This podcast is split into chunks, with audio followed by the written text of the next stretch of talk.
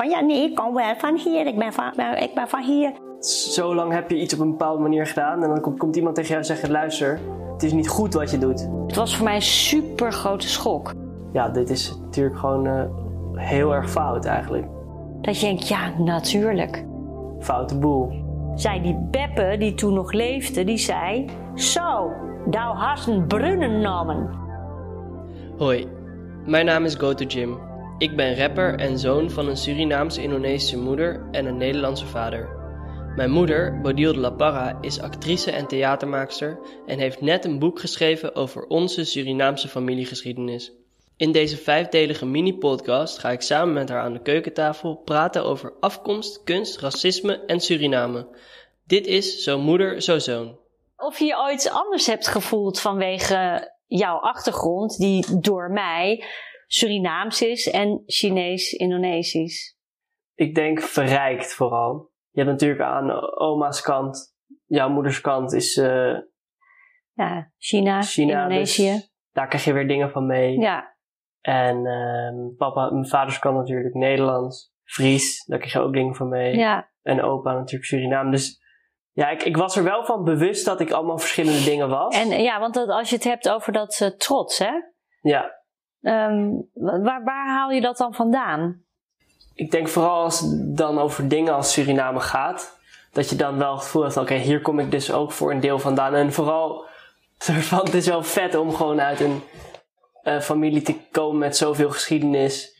Uh, en ook zeker omdat we, dat ik zo vaak in Suriname ben geweest vroeger, krijg je, heb ik wel daar ook uh, een hele verbinding mee. Dus ook toen ik het boek aan het lezen was, ja. heel vaak zeg jij dan de, zeker het verbrande huis dat ik heb geschreven, ja. En, en in het begin uh, kom je als meisje daar in Suriname. Ja.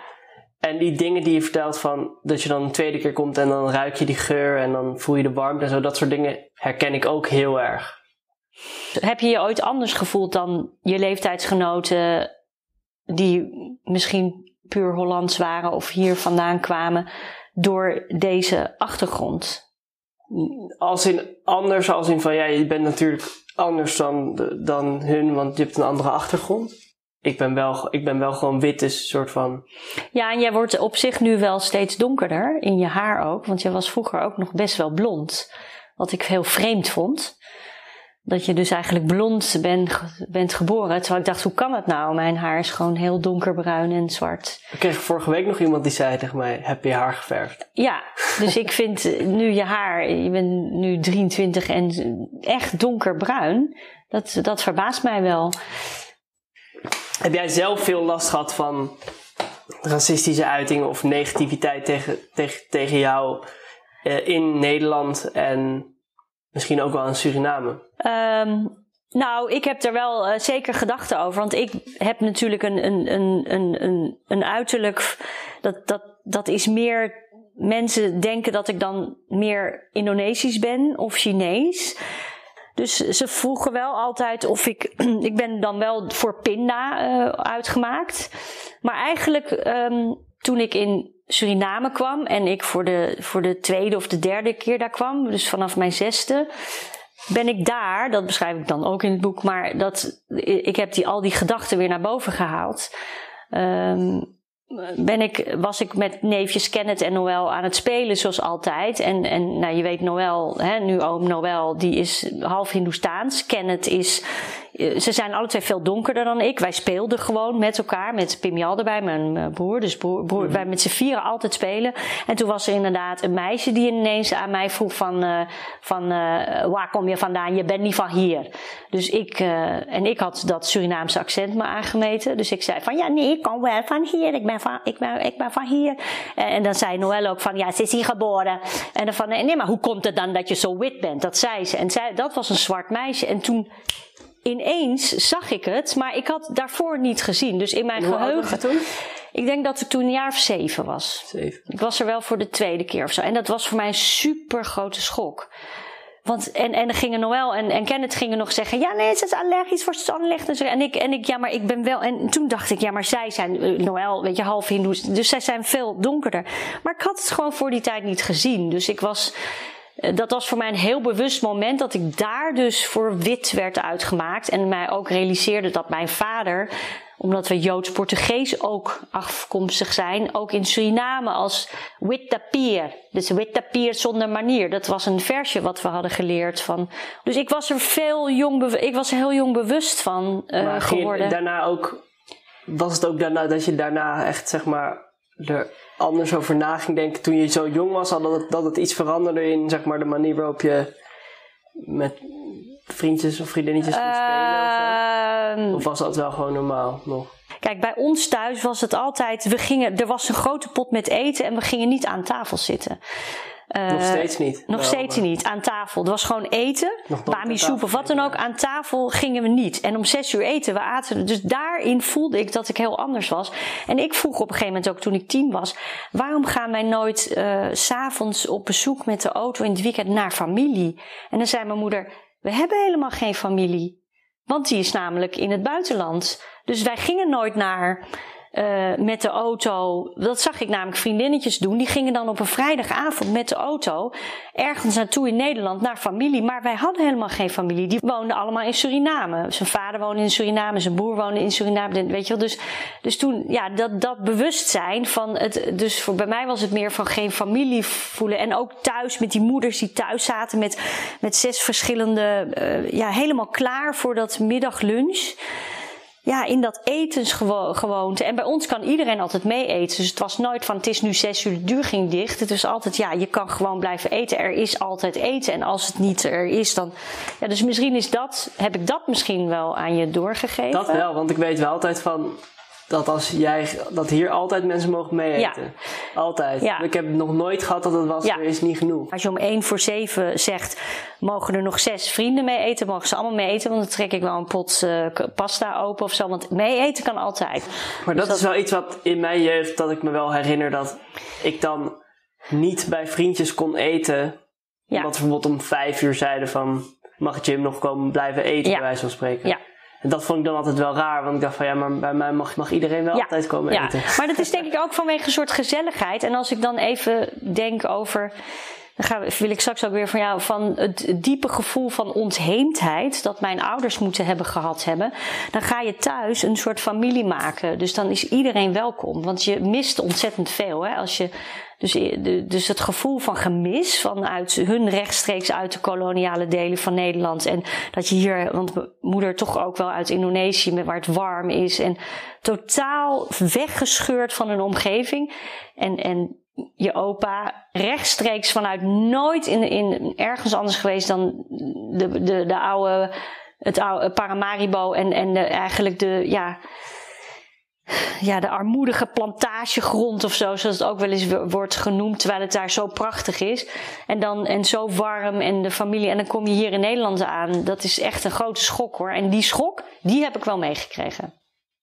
Ik heb wel een hele eh, bijzondere anekdote ehm, die ik wil, wel wil vertellen.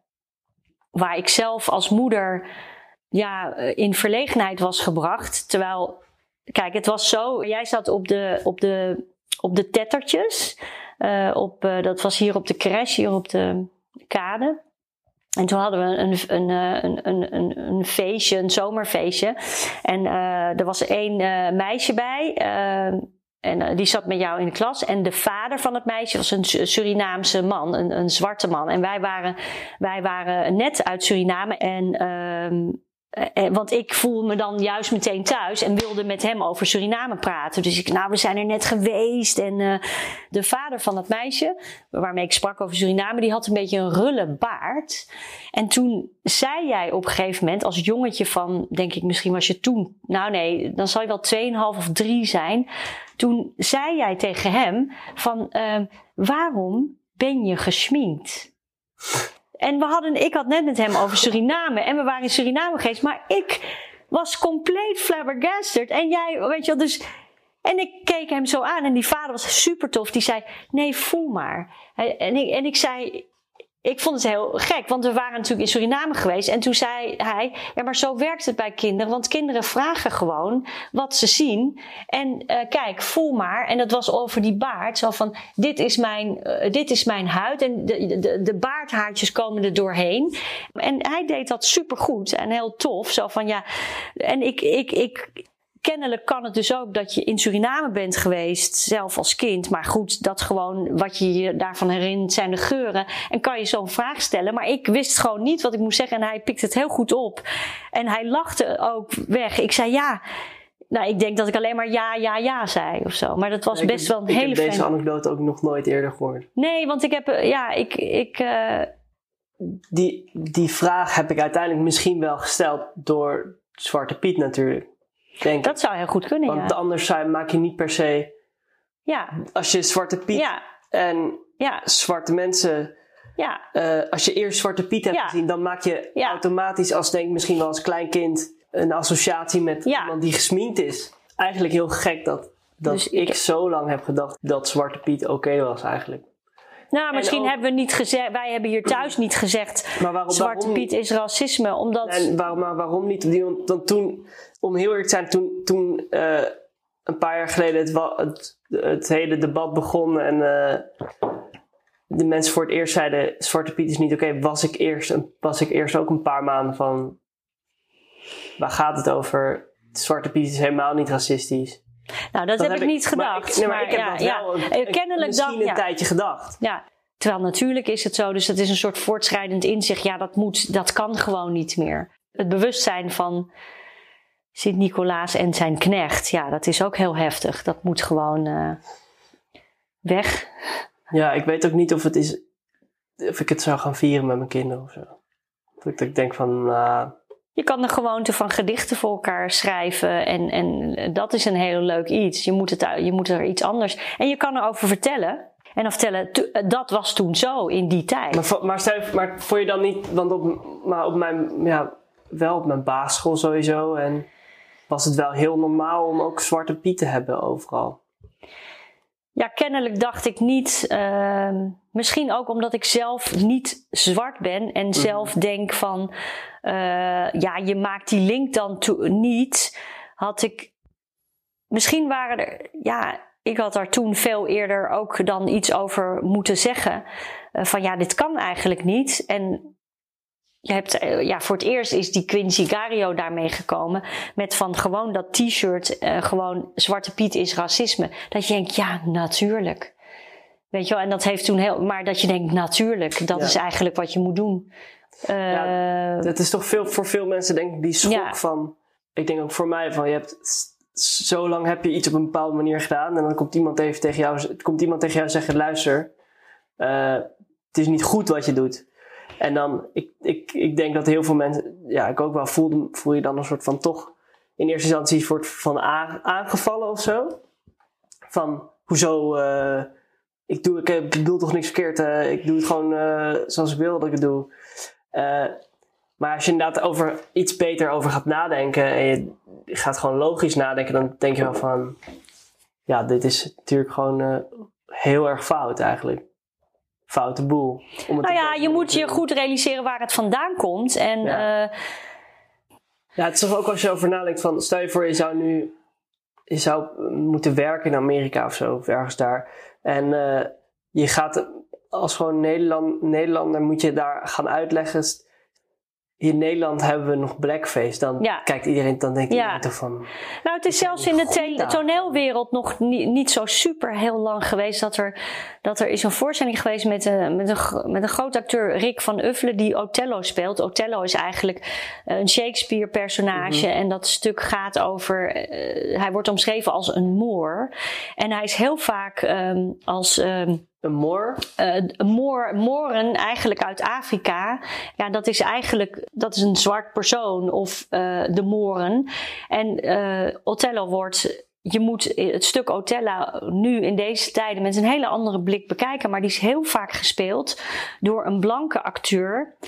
Dus in de westerse wereld, die zwart gesminkt was. En eigenlijk nog niet zo super lang geleden tenminste, ja, misschien is het 15 of 17 jaar geleden, heeft de acteur Rick van Uffelen dat nog gespeeld. In een, met een zwart gesminkt. eh, Ja. ik weet wel dat. Maar je ik- ziet het, ja, je ziet Ja. het want deze week ook dat er nu zo'n best wel grote Amerikaanse cartoonseries, ja, waarbij de zwarte ja, personages altijd werden ingesproken door witte Ja, acteurs. ja. En nu ook dat de witte acteurs ja, zei van ik ga nooit meer deze rol, eh, ja, ik ga nooit meer een zwart personage vertolken als witte. ja.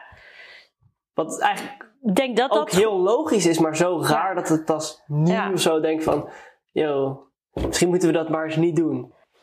Ja, nou, de, en, en dat- dat soort dingen als met humor en met kunst. Je kan er ook aan afzien hoe het toen ging. Want eh, je, je bedoelt Pippi Langkous en mijn vader is een negerkoning. En weet je wel, dat, dus, terwijl ik met heel veel plezier Pippi Langkous heb gelezen. Je, ja, als je het er helemaal weg... Je, je moet wel weten dat het is gebeurd. Maar je moet er met een andere blik naar kijken. Ja. Ja, Dat vond ik dan zo- Ik zo- vind het heel moeilijk om daar. Nou, je moet er in ieder geval over, over nadenken. En het is heel goed dat het weer terug wordt bezien. Ja.